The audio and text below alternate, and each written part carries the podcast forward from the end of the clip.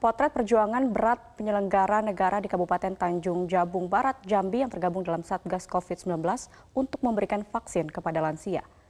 Membelah sungai dengan speedboat menuju daerah-daerah pelosok terpencil yang berada di pesisir Laut Selatan Sumatera Bukan itu saja, Satgas COVID-19 yang dipimpin oleh Bupati Tanjung Jabung Barat, Anwar Sadat, menyulap bangunan-bangunan sekolah dasar menjadi puskesmas sementara di sejumlah titik di ketiga kecamatan seberang kota untuk melaksanakan vaksinasi kelompok lansia. Saat ini pemerintah pusat maupun daerah memang tengah fokus menyelesaikan vaksinasi kelompok lansia yang ditetapkan menjadi prioritas dalam program vaksinasi nasional oleh pemerintahan Presiden Joko Widodo. Bandara Raden Inten II Beranti Lampung Selatan mulai membuka layanan tes genos C19 untuk mendeteksi COVID-19. Tes genos sebagai syarat perjalanan menggunakan jasa maskapai penerbangan. Calon penumpang dilarang mengkonsumsi beberapa makanan dan minuman, di antaranya petai dan jengkol. Pelayanan Genos C19 itu terletak di area pemberangkatan, dibuka 1 kali 24 jam dengan tarif Rp40.000. Telah disediakan tiga balik tiga bilik maksud kami bagi penumpang yang akan menggunakan tes Genos C19. Sedangkan tes rapid antigen bertarif Rp200.000. Calon penumpang terlebih dahulu melakukan pre-proses pertama mengunduh aplikasi Airport Health Center dan membuat akun. Tahap on proses, calon penumpang akan diverifikasi kondisinya dan petugas akan memberikan kantong nafas untuk digunakan calon penumpang memberi sampel nafas. Pada tahap akhir, calon penumpang hanya tinggal menerima hasil tes melalui aplikasi Airport Health Center. Hasil pemeriksaan membutuhkan waktu 3 menit. Eksekutif General Manager Angkasa Pura II Bandara Raden Inten, Muhammad Hendra Irawan mengatakan hasil tes Genosi 19 menjadi syarat bagi calon penumpang yang menggunakan jasa maskapai penerbangan. Jika penumpang terindikasi COVID-19, disarankan tes PCR satu syarat penerbangan bisa menggunakan PCR yang berlaku untuk uh, tiga hari, lalu bisa rapid antigen untuk dua hari, dan salah satu sekarang maka diakomodir bisa menggunakan genos yang untuk uh, sebelum dilakukan, genos yang dilakukan di bandara sebelum berangkatan. Tim kemanusiaan Surya Paloh beserta Partai Nasdem melaksanakan vaksinasi COVID-19 untuk para lansia dan petugas pelayanan publik di The Media Hotel and Towers Jakarta selasa pagi. Untuk mengetahui informasi selengkapnya kita bergabung bersama Taris Hirziman langsung dari lokasi. Taris, bagaimana jalannya vaksinasi COVID-19 yang sudah berlangsung di sana saat ini? Ya Leo, saat ini baru saja dimulai kegiatan vaksinasi COVID-19 terhadap lansia dan juga kelompok pelayanan publik yang saat ini berlangsung di The Media Hotel dan Tower yang ada di kawasan Jakarta pada selasa pagi ini.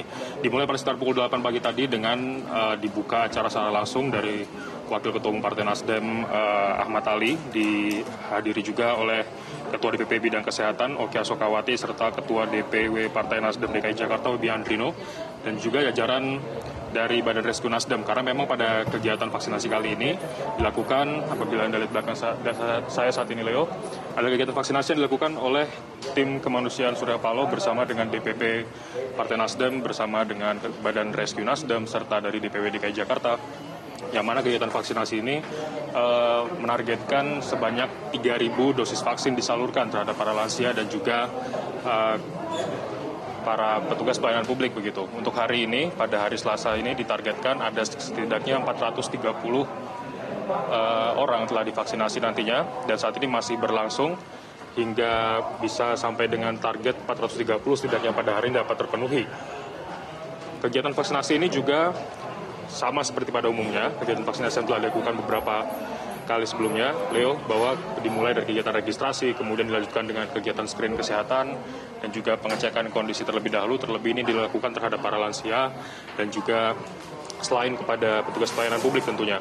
Dan kemudian e, nantinya kegiatan vaksinasi ini juga dilakukan tepat di dalam ballroom ini yang ada di Hotel The Media, kemudian nanti juga akan dilanjutkan dengan kegiatan pemantauan atau observasi setelah diberikan vaksin.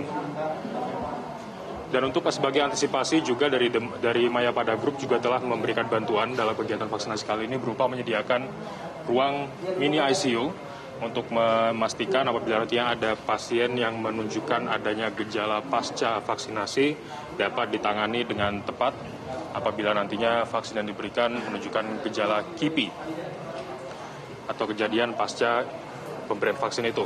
Namun saat ini kami masih memantau kegiatan masih berjalan uh, seperti biasanya dan rencananya kegiatan ini akan berlangsung sampai dengan tanggal 26 April mendatang dan menargetkan 3.000 dosis vaksin dan ini masih bisa berkembang apabila nanti ada dosis vaksin yang bisa masuk kembali ke kegiatan ini untuk disalurkan kepada masyarakat khususnya untuk memenuhi target atau percepatan vaksinasi yang dilakukan kepada para lansia dan juga kelompok petugas pelayanan publik.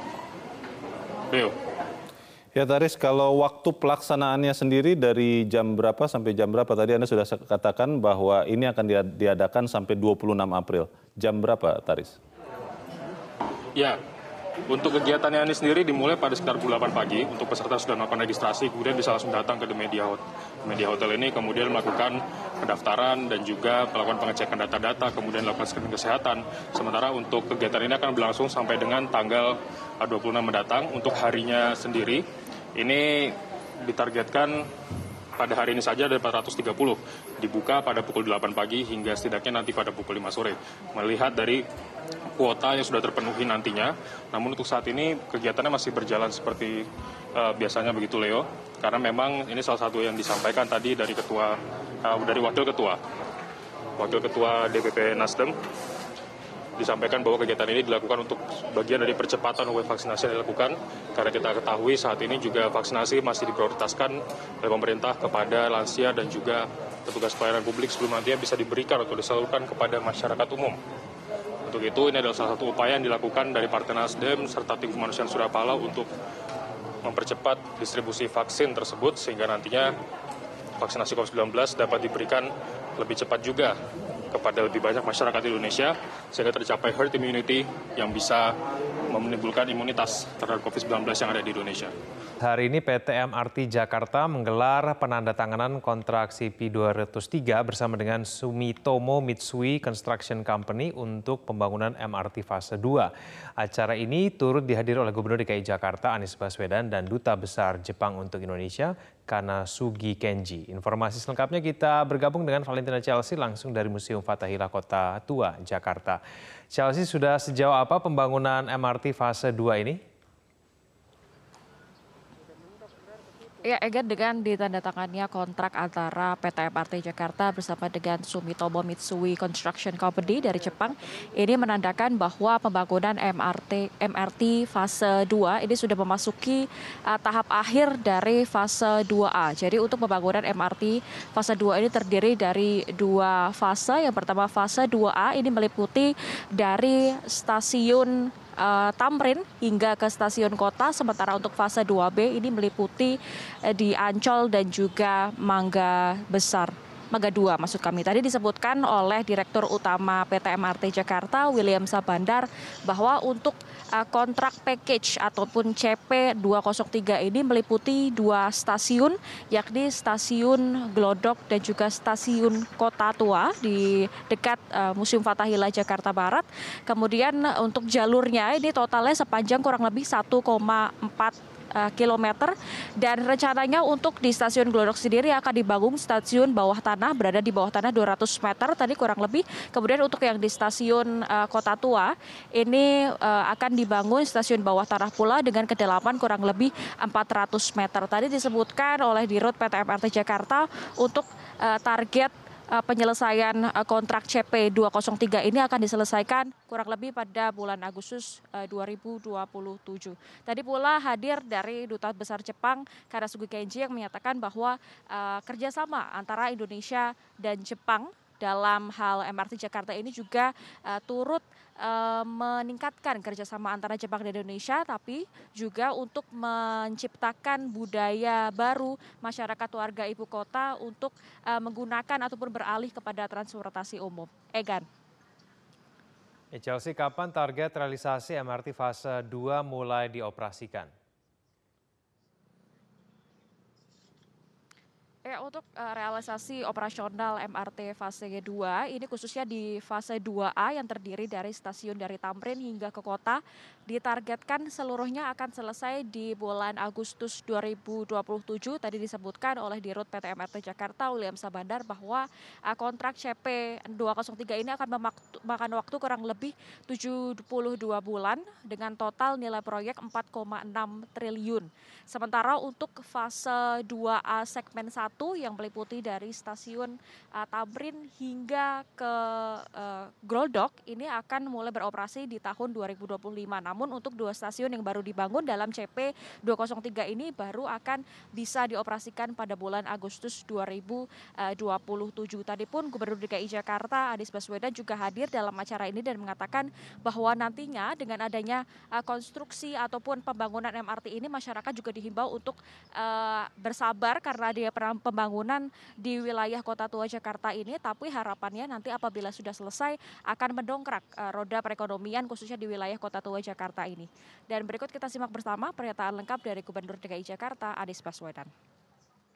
Kali ini kita menyaksikan perandatanganan untuk penuntasan fase uh, 2 yang kita berharap nantinya akan benar-benar bisa menghubungkan koridor utara selatan kota Jakarta dari kawasan paling utara ke kawasan paling selatan. Dan kawasan ini akan menjadi sebuah kawasan yang dikembangkan secara terintegrasi di mana unsur pemerintah provinsi, unsur pemerintah pusat, unsur BUMD, unsur BUMN, dan unsur swasta akan bekerja bersama untuk menghidupkan kembali kawasan kota tua dan transportasi umum menjadi salah satu penopang utama. Bahkan di kawasan ini pula saat ini sedang diberlakukan kawasan eh, zona bebas emisi. Ya, jika kita diakumulasikan Egan dari MRT fase 1 dan fase 2 ini totalnya ada sepanjang kurang lebih 27 km. Dan dengarnya ada pembangunan MRT fase 1 dan fase 2 ini diharapkan dari stasiun Lebak Bulus hingga nantinya ke stasiun kota masyarakat hanya bisa menempuh perjalanan kurang lebih 45 menit. Jadi diharapannya dengan ada pembangunan ini eh, moda transportasi cepat atau MRT ini akan eh, bisa bermanfaat bagi warga Jakarta di seluruh area.